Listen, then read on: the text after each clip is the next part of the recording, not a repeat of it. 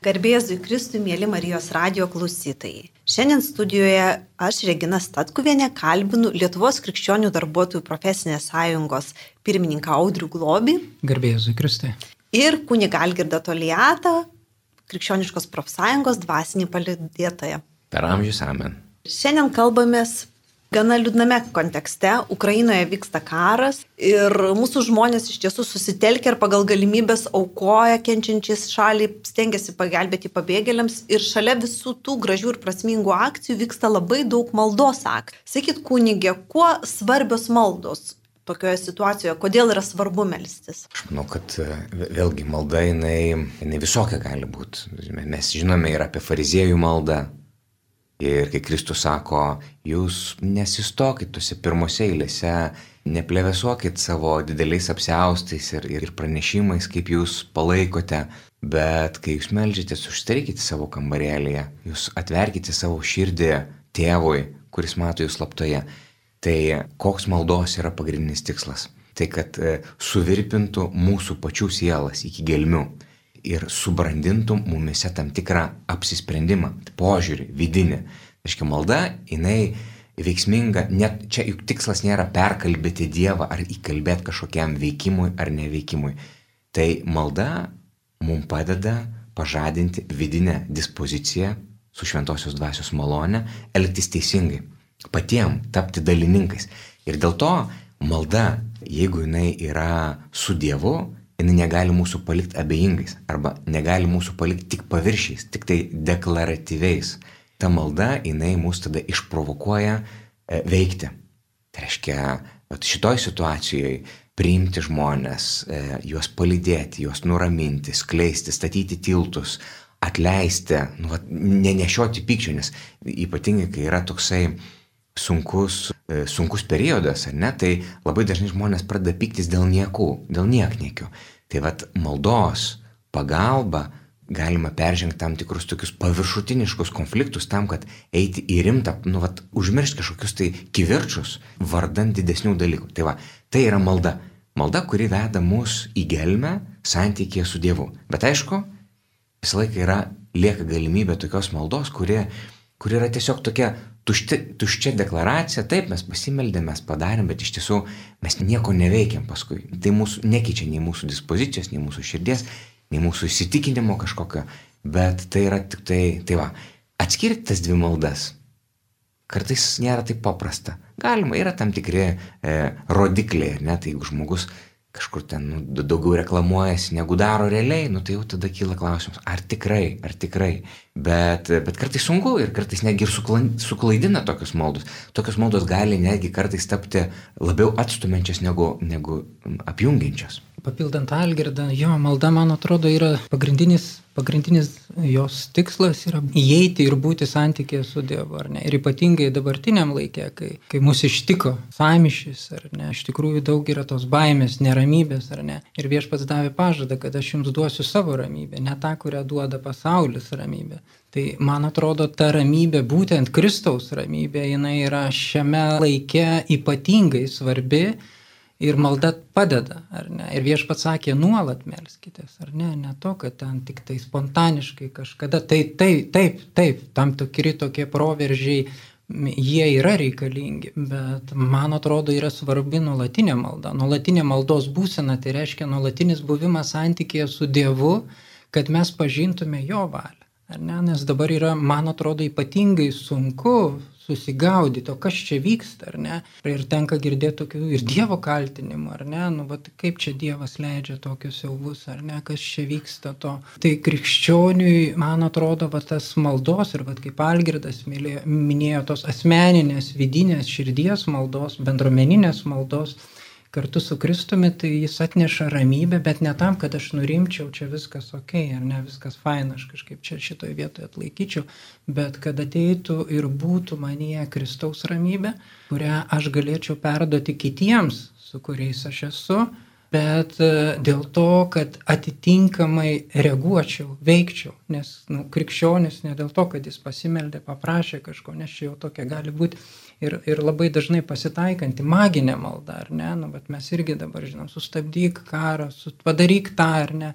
tarsi toks, nu, viskas gerai ar ne, bet, bet bent jau mano asmeniškai šiuo metu, aš daug metų gyvenu vidiniai maldoj, bet šiuo metu kažkaip tokį vidinį, vidinį paskatinimą ypatingą turiu atsivertimą. Kažkaip Dievas duoda tą pažinimą, dėl ko tai vyksta, ar ne? Ir, ir man atrodo, kad esminis dalykas ir rytuose, ir vakaruose, ir visur yra tai, kad mes išsimušėm iš Dievo trajektorijos. Kas yra nuodėmė, ar graikiškai hamartyje, tai reiškia nu, nepataikymas į tikslą. Tai ar nėra taip, kad mes kaip žmonija dabar jau iškritom iš, iš Dievo tikslo, ar ne, iš, iš Dievo tos trajektorijos ir iš tikrųjų mums reikia, visi jautėm, ar ne, daug metų kas gyvenom, sakykime, toj maldoje, jautėm, kad, nu, kažkas, kažkas ne taip, kažkas vyksta, ar ne, ir tas va, toks sprogimas, jis žiaurus, ar ne. Man, man Ukraina asmeniškai, tai, nežinau, aš kai melžiuosi dabar ir labai keista, bet ramybė ateina tada, kad aš Ukrainą matau dabar kaip Kristų ant, ant, ant Golgotos kalno, iš tikrųjų, kraujuojantį, ar ne, ir sunku tai pažinti. Tai Jo, malda labai svarbu. Bet ne tik malda. Labai pritariu Algirdui. Malda yra susigaudimas viešpaties ramybės priėmimas, pažinimas, ką čia šiandien ir dabar aš galiu daryti. O man atrodo, neramybė pas mus pagrindinai ateina iš to, kad mes norim suvaldyti situacijas, ar ne? Ne viską mes galim suvaldyti ir čia va toks yra pasitikėjimo išbandymas, man atrodo. Mes visi išgyvenam išbandymo laiką, bet viešpats kažką daro, kažką, kažką daro, kažką kuria naują. Sakykit, Ukraina iš tiesų, kurią dabar visi ir melžiamės už kurią ir, ir kuriais tengiamės pagal galimybės padėti, mes matom ne tik tuos karo žiaurumus, tą, tą žvėriškumą, bet ir neįtikėtiną tautos susitelkimą. Žmonės grįžta, tie, kurie turėjo darbus, pavyzdžiui, Lietuvoje, juos palieka darbus, atsiveža šeimas ir patys išeina kariauti. Iš kur ta stiprybė? Ar tai ir yra galbūt tas toks dvasinis, vertybinis nusiteikimas, ar ta, ta tragedija, ta, ne, ta nelaimė ir išgrinina žmonės? Iš tiesų, čia tai, tai, kas vyksta, viena vertus tai yra baisus dalykas ir protų nesuvokiamas, kad dar šiais laikais, kai yra tiek daug kalbama apie žmogaus orumą, vertybės Europoje, tie, nu, kad, kad gali vykti karas Europoje. Ir kita vertus, va, tą, ką paminėjo, tą tokį susitelkimą tautos, tai čia kitas toks neįtikėtinas dalykas, nes mes jau kaip ir buvom pripratę, kad visur žmonės, na kaip, nu, ieško ten, kur yra geriau, kur yra patogiau, kur yra lengviau, nu, man nepatiko darbas, trenkiau durimis, išėjau. Nu, tokie dalykai kaip lojalumas kažkoksai, tai tokia ištikimybė. Paskutiniu metu tai yra taip tokie nepopuliarūs dalykai tapę. Nu, kodėl čia turiu? Jeigu ieškau ten, kur man yra gerai, Ieškau taip, kaip man yra patogu, gyvenu taip, kaip man norisi, nepatinka emigruoju, nepatinka tas, nepatinka nas. Ir, nu, va, tam, tam tikra tokia tendencija patogaus gyvenimo ieškojimas, na, na, kažkaip tai tvirojo ore, toj to pačioj vakarų civilizacijoje. Ir čia ukrainiečiai, jų laikysena, tiesiog pažadinanti, nu, ne, išprovokuojanti, nes, va, va, ką, ką, ką ir minėjot, kad maža to, kad ne tik tai, kad jie nepabėga ir narsiai stoja ginti savo tėvynės, bet dar ir grįžta. Dar ir grįžta kiti, kurie atrodytų saugiai įsitaisę kažkur Europos šalyse, grįžta į savo tėvynę tam ir vėl, dabar grįžkime, o tai ką mes ginam? Nes vėl, ar mes žemę ginam? Nes jeigu tai būtų tik tai apginti žemės sklypą, mes suprantam, kad dėl to guldyti gyvybės, nu turbūt, kad nebūtų verta. Gyvenimą turime tik tai vieną. Čia yra daugiau negu žemės klipas. Tai yra kažkas daugiau. Galbūt daugelis iš ginančių savo tėvynę net nesugebėtų žodžiai sudėlioto, kodėl kas. Bet tai yra tam tikra visuma, tam tikra visuma, kurią mes vadinam tėvynę ir kas mus gina, tai yra kas mus išprovokuoja vat, stoti prieš daug galingesnį priešą. Nes agresorius, jo galios yra daug didesnės. Tai kas taip taip, nu, taip drąsiai išprovokuo. Aš manau, kad tai yra tikėjimas. Vat vid, vidinis, nes niekaip kitaip negalėtum paaiškinti, kai tu matai viską sugriauta, atrodo viskas su, su, su, sunaikinta ir, ir nu tik tai ką, tik pakelt rankas ir kapituliuoti. O čia atvirkščiai, kuo labiau spaudžia į kampą, tuo labiau tauta dar labiau apsivienyje ir, ir, ir, ir dar labiau vieninga. Nežinau, tai yra kažkoks tai nu, neįtikėtina. Ir va čia, va, va, va čia mes prisiliečiam prie tikrųjų Europos vertybių ir prie tikrojo tikėjimo vidinio pasaulio, pavadinkime taip, prisiliečiam prie vidinio pasaulio, kuris pranoksta vien tik kažkokį tai materialų gerbuvį. E, visai nesenai kalbėjau su dviem šeimom iš Ukrainų, nu, aišku, moteris ir vaikai. Ir viena iš jų pasako, sako, aš, vat, kai važiuodavau į pasilsėti, tai niekaip man netilpdavo daiktai į, į lagaminus. Nes, nu, nu, ten ir tą reikia pasimti, ir suknelį, ir vieną, ir kitą, ir trečią, ir penktą, ir va, kiekvienam vakarui. Ir... Sako, dabar va, reikėjo greitai bėgti, turėjom du lagaminus trims žmonėms, aš darau spintą ir galvoju, man nieko nereikia, man nereikia visų suknelių, mane tiesiog atsiverčia kažkoks tai įsijungia naujas etapas. Ir labai dažnai Tai atsitinka būtent tomis akimirkomis, kada mes esame prieš pastatyti tokiuose dileminiuose pasirinkimuose. Na, tai primena, kad ir Audrius paminėjo apie tą Ukrainą kaip Kristų kenčiantį ant kryžiaus. Man kitas įvaizdis irgi vat, ateina biblinis. Tai ta našlė su dviem skatikais. Našlė, kuri atrodo, nu nieko neturi, vat, savo sugriautus miestus, savo iš, žmonės išžudytus ir atrodo, nu, vat, visiškai. Bet jinai paukojo daugiau negu visi kiti draugę sudėjus, to ir va, tas ir ten tiek įnešė, tas ir to įnešė, bet visi davė, tarytum, dalį, kas atlieka. O jinai atidavė visą save. Ir va čia, va, ir man atrodo, kad našlės auka ir našlės laisvė ir tikėjimas yra didesnis negu visų kitų, dėl jos širdies dispozicijos. Ir tai, ką mes išgyvename Ukrai, ne tik Ukrainoje, bet ir mes, mes iš tiesų su Ukraina drauge, jie yra kaip kaip, nu, kaip, kaip vėliavnešys. Čia yra atgimstančios Europos vėliavnešys, nes mes grįžtame prie tų esminių dalykų. Juk žiūrėkite, Ukraina 14 metais nukirpo Krymą. Jau buvo ta, agresija, jau buvo padaryta, jau galima buvo sureaguoti. Bet tai buvo per atrodytų per mažaug, aišku, nebuvo, nu, vat, tiesiog, vat, nu, vat, kažkaip tai užglaistym, užglaistym, nes niekas nenori prarasti nei dujų, nei naftos, nei to, nei, nei daugybės kitų dalykų, prie kurių esame pripratę, niekas nenori kylančių kainų. Bet vat, jų narsa šitoje situacijoje, kada jau užpuolė juos taip niekingai, pažadino visą vakarų pasaulį kažkokiam, vat, nežinau, man tai atrodo toks, toks naujas atverstas puslapis. Gal net ir vakarų pasaulio atgimimo. Nes vakarų pasaulis toks jau buvo tiek įsipatoginęs, toks apmirštantis, žinot, kaip jau ir, ir nieks nebenori gimdyti, auginti vaikų, nes tai yra nepatogu, nes čia apsunkina, ten tą arba lieka, tu toksai, nu, nykstanti, nykstanti civilizacija. Niekas nebenori prarasti patogių dalykų. Ir va čia staiga mūsų, mūsų broliai ukrainiečiai, nu, toks kaip elektrošokas. Nežinau, kas bus toliau, nežinau, bet tai, kad tai esame visi paliesti to, Tai ir, ir, ir aš tik tai viliuosi.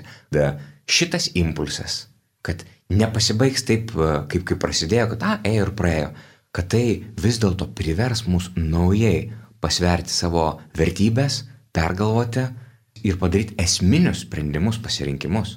Tas kraujas, kurį Ukraina lieja, iš tikrųjų dabar būtent už laisvę jis yra nu, ypatingai brangus Na, jis yra labai skausmingas ir jeigu Dievas duos ir Ukraina įsilies į Europos Sąjungą, tai bus, man atrodo, toks naujas impulsas iš tikrųjų, nes nu, mes iš tikrųjų, man daug kartų teko būti Ukrainoje, ten bendrauti su žmonėm ir su įvairių skirtingų krikščioniškų bendruomenių ir su mesijiniais žydais ir su tais pačiais ortodoksais ir su graikų katalikais ar ne ten tas tikėjimas tikrai toks, nu kaip sakyti, tu jį daug kur jautėjai, alsavimas ir, ir, ir, ir tikrai labai tikinti tauta, ar ne? Galbūt vat europiečiai pasakytų tokią, nu, primityvį, vakarų Europą pasakytų, bet, bet jinai savyje, mes dabar pamatėme, aš irgi buvau tikrai, vat, ta prasme, nustebintas, gerąją prasme, kaip jie kaunasi, kaip jie stoja, kaip jie grįžta ir ant kiek jiems yra tai svarbu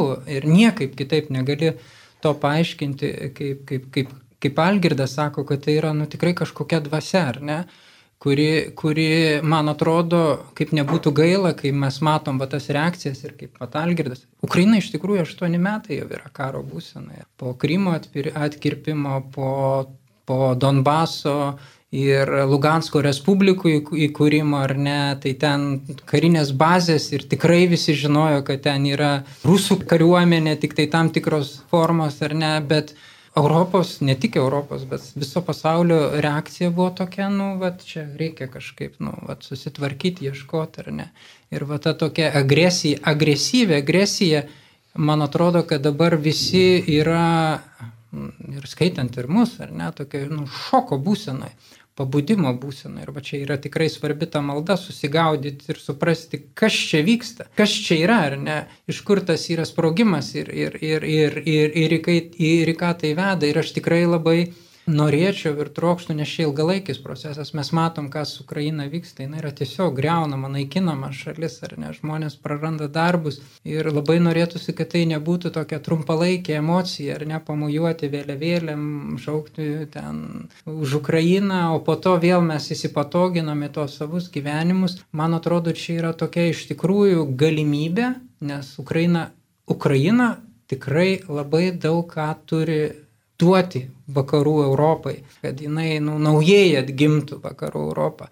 Bet taip pat ir vakarų Europa turi ir privalės daug ką duoti Ukrainai. Tikėkime, kad, kad, kad ta šalis galėtų būti atstatyta. Tai m, išgyvenam kažkokį tikrai labai ypatingą laikotarpį. Mėly Marijos radio klausytojai, šiandien laidoje kalbame tema kare nėra netikinčių. Ir mūsų pašnekovai kuningas Algerdas Toliatas ir Lietuvos krikščionių darbuotojų profesinės sąjungos pirmininkas Audris Globys. Tesdami pokalbį norėčiau, kalbėjome apie tai, kaip svarbu yra malda, kaip svarbu yra nepamiršti Dievo ir atsigręžti į tas pagrindinės tikrasias vertybės, ypač tokiomis sudėtingomis sąlygomis. Ir norėčiau sugrįžti prie maldos akcijos, kuri ir vadinasi kaip mūsų laida Kare nėra netikinčių, kuri vyko Vilniaus Lūkiškio aikštėje. Ir turbūt labai simboliška, kad ta maldos akcija vyko būtent toje vietoje, nes Lūkiškio aikštė, kaip žinia, buvo ir sukilėlių egzekucijos vieta, ir, ir su, tokia labai tragiška. Ir vienu metu jinai buvo paversta pležu, tarsi ta istorija jau kažkur nugrimzdo, jau laikas pamiršti tuos skaudulius ir gyventi ir džiaugtis. Tačiau natūraliai ta maldos akcija vyko būtent ten, kuo svarbus simboliai, kuo svarbi istorija būtent tokių išbandymų laikais. Gal tai yra toks natūralus grįžimas prie savo šaknų? Neatsitiktinai organizatoriai pasirinko Lūkiškio aikštę, nes tai yra tam tikras, nu tikrai simbolinė vieta. Pati ta Lūkiškio aikštė ir ta malda. Ir vad kaip jūs paminėjot, tikrai visiškai nesenai ten buvo pastatyta didelė smėlio dėžė, ar ne, kurioje žaidėm, šventėm laisvę. Man tai, man tai yra labai simboliška, ar ne? Vat ir, ir aš labai tikiuosi, kad e, pagaliau Lūkiškių aikštė taps mūsų tautos simboliu, kuo jinai ir turėtų būti gauti tos, tos simbolius ir kad mes iš tikrųjų vis labiau pradėsim suvokti tą realybę, kokioje mes gyvenam, ar ne, kad laisvė turi savo kainą, ar ne, ir tai nėra, ir už ją reikia nuolat kovoti, ar ne, ir ta vidinė kova, ir mano pasiryžimas, ir mes dar nežinom, kas mūsų laukia iš tikrųjų šitoj vietoj. Ir man labai gražu iš tikrųjų, kad vis dėlto tas etapas, kuriame mes buvom, nes man atrodo, ta pastatyta smėlio dėžė, jūs ten sako pležas ar ne, ten sako, aš sakyčiau smėlio dėžė, tai man toks, sakykime, infantilios laisvės simbolis, jis nebrandžios paauglystės simbolis, nes nu, pagrindiniai miesto aikštėje pastatyti didelę smėlio dėžę, sustatyti atsargiai rykliai ir, ir panašiai, nu, man atrodo, tai yra nu, nu, nerimta, ar ne? Bet daugelis žmonių dėja žiūrėjo kaip į tokį, nu, kaip sakyti, vat, ir šūkis nes toks buvo, ar ne? Nu, kovojamės, jau dabar galim švesti laisvę, matom, kiek trumpai ir kokia jinai yra iš tikrųjų. Ir nepaisant, dar grįšiu prie dar gyvų partizanų, kad Džonis Bėda berots kalbėjo Seime, prašydamas tai. toje aikštėje pastatyti vytį. Tai. Ir, ir net gyvas laisvės kovotojas prašo jam žinti laisvės kovotojų atminimą ir nepaisant, buvo ignoruojama tiesiog tokie prašymai. Na nu, tai va, tai už kokiais įrankiais mes kovosim už tą laisvę, ar kastuvėliais, žinot, ar, ar ten pležo kažkokiais įrankiais. Nu, čia aišku, mes nelaikas ne yra tą, tą, tą, tą kalbėti, bet vad kaip jūs paminėjot, kad simboliškai buvo sukviesta maldos akcija į Lukiškių aikštę, man tai yra labai gražu, ta prasme. Ir man atrodo, tai bus tai liks tam tikras vat, toks simbolis iš tikrųjų ir labai gražus šūkis buvo parinktas organizatorių, ar ne, kare nebėra netikinčių, ar ne, iš tikrųjų, nu, vat, kai ištinka situacijos, kurių pats žmogus nebe nu, sunkiai gali valdyti, jis tada pradeda grėžtis į Dievą. Ir man tai gražu, iš tikrųjų. Ir aš tikiu ir, ir labai norėčiau, kad visų šitų procesų eigoje iš tikrųjų atsirastų toje vietoje tikri simboliai, ne, kurie mūsų tautai yra brangus kurie mus turėtų sutelkti ir man atrodo, kad mes iš tikrųjų įeinam į naują realybę, ar ne kokia jinai bebūtų. Už tą laisvę reikės nuolat kovoti ir iš tikrųjų būti tokioj parengties būsenoje. Man atrodo, mes čia visi su tuo susidūrėm ir aš pats asmeniškai.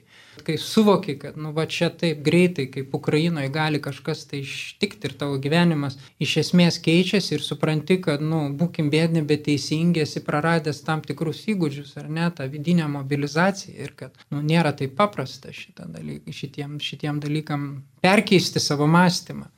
Aš galvoju, kad um, iš tikrųjų turbūt visko gyvenime reikia, ar ne? Reikia, reikalingi yra ir, ir mūsų simboliai, reikalingi ir mūsų pležai, tik svarbiausia atskirti tuos dalykus ir, nu, ir, ir, ir kad jie vienas kito neperdengtų arba nu, neutralizuotų. Ir um, iš tiesų mes kartais net nebenorim prisimintų skaudžių įvykių istorijos. Atrodo, nu viskas jau praeita, nu užteks kiek čia dabar grįžti, apie tai kalbėti, apie tos skaudulius, apie, apie tos išgyvenimus, apie, tas, apie, apie tą iškovotą laisvę ir kiek jinai kainavo mūsų protėviam. Ir dar čia visai nesenai. Ir jaunoji karta jau nebeprisimena iš viso to dalinių, to tas sovietmetis, tas yra, atrodo, kaip jau užmirštas. Ir, ir žiūri į, į, į, į vyresnius žmonės ir kad jis net ir tyčiojasi ir klyjuoja visokias etiketės, a, jūs čia atgyvenos vatnikai kažkokie jūs ten ir, ir čia taip lengvai ir manau, čia net ne tik tai lūkiškių aikštės klausimas, bet čia tam tikros laikysenos ir požiūrio į, į žmonės. Ne, vat, kurie yra perėję išgyvenę tam tikrus dalykus ir galbūt kai kuriuose situacijose netgi reaguoja perdėm atsargiai, nes nežino, nes patyrėt. Pažiūrėkit, vakarų pasaulis, kada e, Lietuva sakė, kad palaukit, su Rusija visko gali būti, jūs būkite atsargus. Tai didžioji dalis valstybių juokiasi iš Baltijos šalių, sako, nu ką jūs juokaujate, apie ką jūs kalbat, kur mes niekada čia nieko nebus niekas rimtai nežiūrėjo. Žiūrėjo kaip į tokią, nu, vat, nu, nukvakusius. Ir, ir, ir lygiai taip pat ir, ir į mūsų senolius su, su, su patirtim, kur kaip išgyveno, atrodo, ai, nu, baigit, jau čia perėtas etapas. Ir va tada mes liktais grįžtam prie tų smėlio dėžių, ar ne, ar prie, prie to tokio, nu, lengva būdiškumo, pavadinkim taip, čia tegu būna simbolis. Ne tam, kad supriešint, nes reikalinga viskas.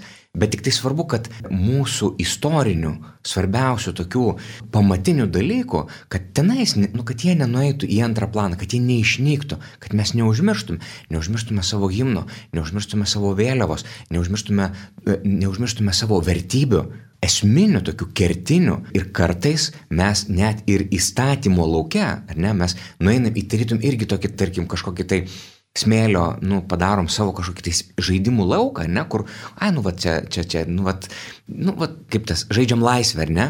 Ir, ir, ir, ir nepasveriam, na, visų galimų pasiekmių, nes be abejo, kad reikia įvertinti ir situaciją pasikeičiančią, ir naujų laikų iššūkius. Visą tai reikia įvertinti. Bet reikia įvertinti ir tai, kad kiekvienas naujas įstatymas turi ir tam tikrus ir, ir šalutinius dalykus, ir kaip taip, ir kaip. Ir visa ta, čia turi būti harmonija. Ir jeigu mes, jeigu mes darom išmintingai, tai reiškia įvertinami ir istoriją, ir tą konservatyvę pusę, ir liberalią pusę, va tada gaunasi darna kada abi pusės apsijungia. Bet jeigu kažkuri viena ima ir pradeda dominuoti, tai kaip ir visur, kaip kiekvienoje ekosistemoje. Aš atsimenu, kai Australijoje atvežė kiškių, paleido ir, ir tada, su, kadangi ten ta, tam tai ekosistemai visiškai žinomas buvo gyvūnas, jų tiek priviso, kad jau ten, nu, nu tai ką dabar daryti, ką daryti. Nu tai lapių atvežė, o lapės vietoj to, kad kiškius gaudytų kažką kitą. Ir tada atsirado visiškas disbalansas. Bet kartais mes, norėdami greitai čia ir dabar padaryti patogiai ir patenkinti visų žmonių norus, įeinam į tam tikrą situaciją, kuri de destabilizuojanti. Ir net ir to net ir nesuvokiam. Ir paskui dar ieškom kaltų. O kas čia kalti? O kartais patys ir esam kalti dėl to, kad, nu taip viską sudėliojom, kad, kad atsirado, nu, vat, tam tikras nestabilumas ir disharmonija. Tiniam laikė, man atrodo, vienas tokių pagrindinių dalykų vat, ir to karo akivaizdoje yra vienybė tautos. Tai iš tikrųjų, nu, tam tikri klausimai, kurie yra fundamentalūs klausimai, ar ne, vat, kaip, kaip šeima, pavyzdžiui, ar ne, nu, reikia diskusijos. Iš tikrųjų reikalingos tam tikros permainos, ar ne, bet mes turim e, skirtingas visuomenės grupės ir iš tikrųjų mums tai yra ilgas procesas. Nu, negalime viską automatiškai priimti ne ir kopijuoti. Mes esam vis tiek tauta turintis tam tikrą savo istoriją, turim tam tikrą visuomenės struktūrą. Ir kad mes tuos dalykus priimtume, kurie būtų tvarūs, ar ne, negalima to daryti labai neatsakingai. Ir ypatingai provokuojančiai. Dabartiniai situacijai tai yra dar labiau pavojinga, nes iš tikrųjų ir išorės jėgos gali išprovokuoti tam tikrus dalykus. Tai man atrodo, kad nu, dabar, dabartiniai situacijai valdžios žmonės turėtų iš tikrųjų kelti tuos dalykus, kurie vienyje tautą. Ar ne? Ir, ir tikrai labai atsakingai įvertinti, kokie dalykai turėtų būti pagrindiniai dabar šiuo metu dienotvarkiai. Čia su pastebėjau tokį labai svarbų reikšmingą dalyką, nes būtent Rusija ir jos propaganda šiuo metu išnaudoja tą krikščioniškų vertybių naratyvą. Mes visi girdėjom patriarcho Kirilo pasisakymą, kuris nesmerkia karą, karo, bet e, pozicionuojasi kaip neva krikščioniškų vertybių gynėjas. Ir tą naratyvą pasigavo daug kas Lietuvoje ir automatiškai, jeigu žmonės kalba, kad mes saugokime, puoselėkime savo krikščionišką paveldą, savo šaknis, sako, žiūrėkit, jie kalba kaip Kirilas. Ir Maskvai tarsi paliekama, tai propagandai tarsi atiduodama tai, kas iš tiesų yra vakarų šerdis, vakarų civilizacijos esmė kaip tikinčiam žmogui būti toje situacijoje. Iš tikrųjų, čia, čia labai labai gerai pastebėt ir aš girdžiu tų dalykų ir net ir politikų, viešų žmonių pasisakymų, kur vos nesulyginamas mūsų kardinolas Tamkevičius su, su Kirilu, dedamas lygybės ženklas. Kronikos leidėjas Sigitas Tamkevičius. Ko, kovotojas už laisvę ir... ir lageriuose kalėjęs už tikėjimą. Begaliniai subtilus, diplomatiškas visais laikais ir, ir, ir, ir, iki dabar laisvės gynėjas ir puoselėtojas niekada jisai tai įmama ir sumanipuliuojama. Ir, ir, ir taip, iš tikrųjų, tai yra taip negražu šitaip elgtis. Kai, kai, ir, va čia yra... Va, nu va čia yra tikra melagiena. Va tai yra, va, ir, ir, ir kada sužaidžiama emocijom žmonių, paėmama viena, visiškai iškirpama. Dabar, jeigu tarkim, pasakytų, kad nereikia ar laikytis e, kokiu nors ten, pat Kirilas dabar pasakytų, važiuokit tik per žalę šviesą šviesoforui. Tai ką mes dabar pradėtume specialiai per raudoną važiuoti, dėl to, kad nedaug dievė mūsų nesulygintų ir, ir, ir nesutapatintų. Arba, ar, nu, ir, o čia paėmama ir sumanipuliuojama. Ir staiga sako, aha, tai va, ir pasakoma, tai va, šeima yra blogis. Tai va, Europos tai yra pagrindų pagrindas, čia mūsų vertybinis ir, ir staiga suplakama su, ir, ir su tais vaizdais, kad va, štai agresorius, kuris tą, jisai va, yra palaiko šeimą, palaiko tam tikras vertybės, palaiko tai ir va, dėl to visi, kurie esate už šias vertybės, jūs esate lygiai tokie patys. Už įstatymų ribų, už įstatymų ribų, net. Valstybės priešai, nepaisant to, priešai. kad tie žmonės išnešė nepriklausomybę savo krauju. Klijuojamos etiketės, klijuojama ir visą tai. Ir arba užtildomi žmonės ir net nenorima girdėti. Tai va čia yra Vat, vat, va čia yra tikras karas ir žmonių menkinimas, niek užtildymas. E, va čia yra tikrosios laisvės nebuvimas, kai va taip nutinka. Ir dabar aišku, kad e, e, dabar, kai, kai esame tokie pažeidžiami, tai, tai ką daryti, va, kai, kai vyksta tokie dalykai, Man atrodo, kad na, nepasiduoti šitom provokacijom. Nesakau, kad reikėtų eiti ir dabar į didžiausias kovas, nes vėlgi, tai kai kada esam taip pažeidžiami, kaip tik reikėtų, nežinau, su, su va, didžiulė ramybė, va, ką ir Audrius minėjo, va, tai, pasisemti Kristuje ramybės ir tiesiai išviesi sakyti, ne, taip, tai yra neteisinga taip sakyti, čia nesulyginami dalykai ir nebijot.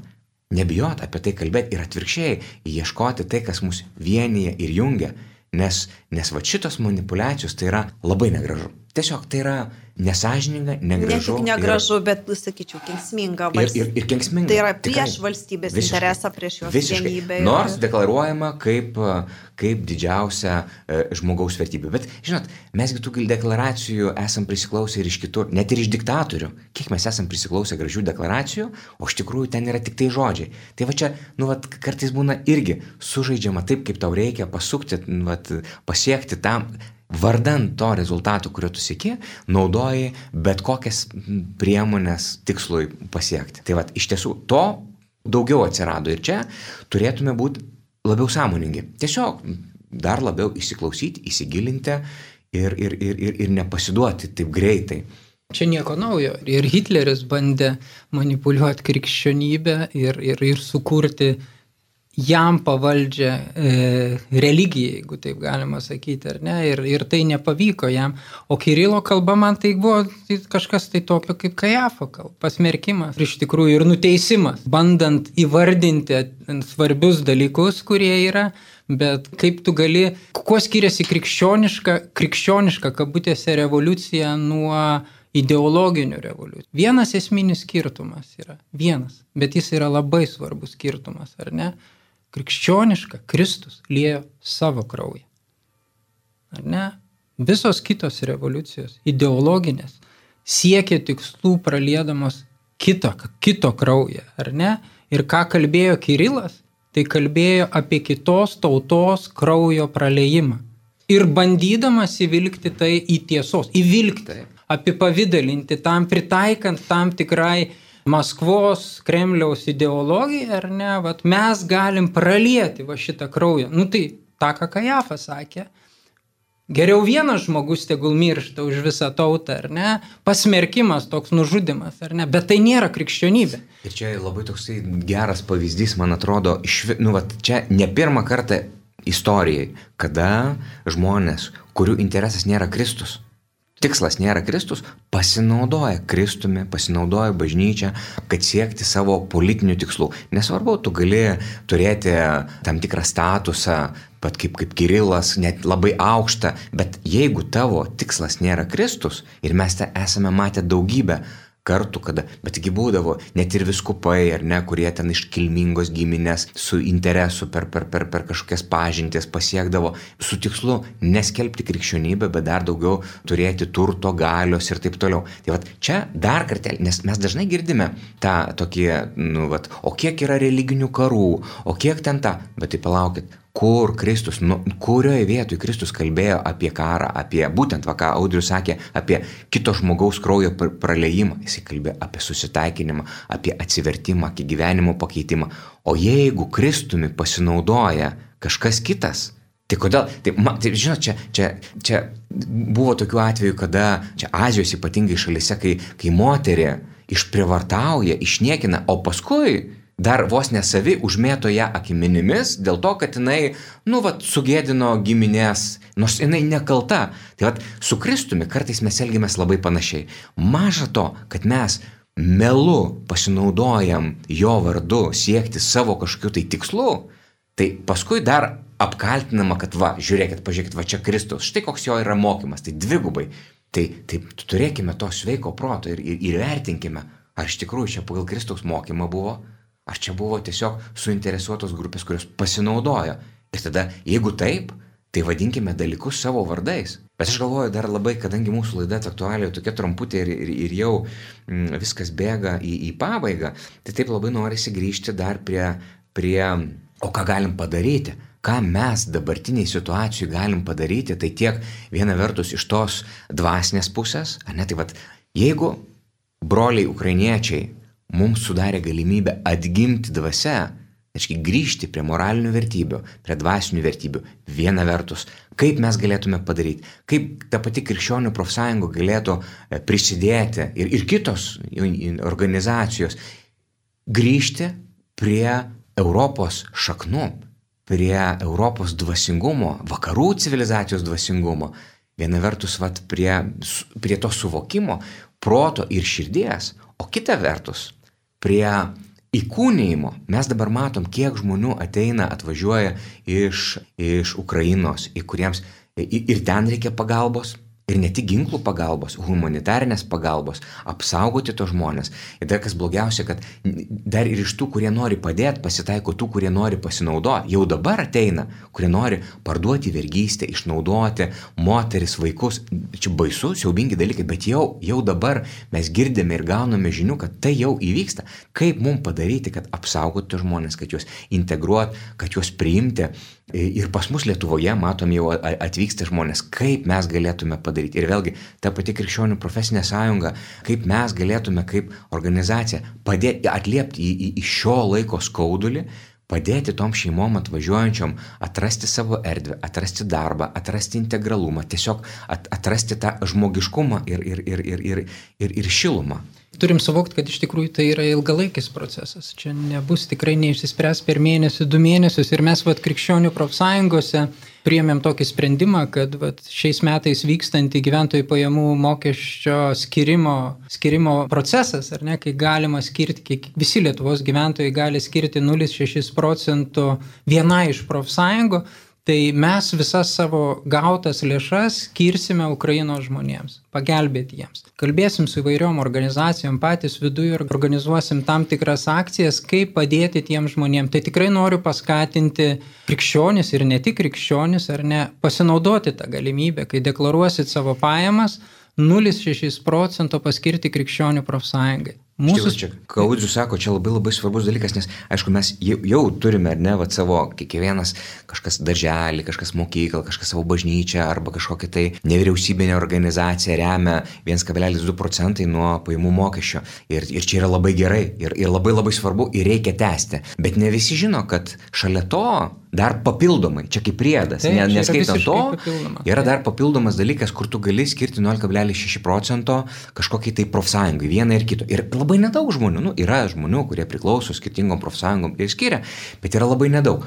O šiais metais, ką mes galėtume padaryti? Mes galėtume mobilizuoti visas krikščioniškas pasaulis, va čia, va, Lietuvi, Lietuvoje, su vieninteliu tikslu - padėti Ukrainos gyventojams, kurie čia pas mus atvažiuos ir tiesiog va, atliepti į konkretų poreikį. Nes visa, absoliučiai visas tas surinktas lėšas skirsime tam, kad padėti tiem žmonėm, kad padėti jiems va, ten, kur reikės labiausia.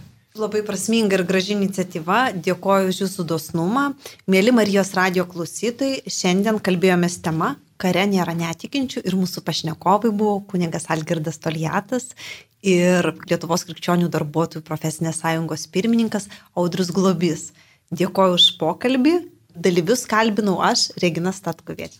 Ir iki kitų susitikimų. Sudie. Sudė. Sudė.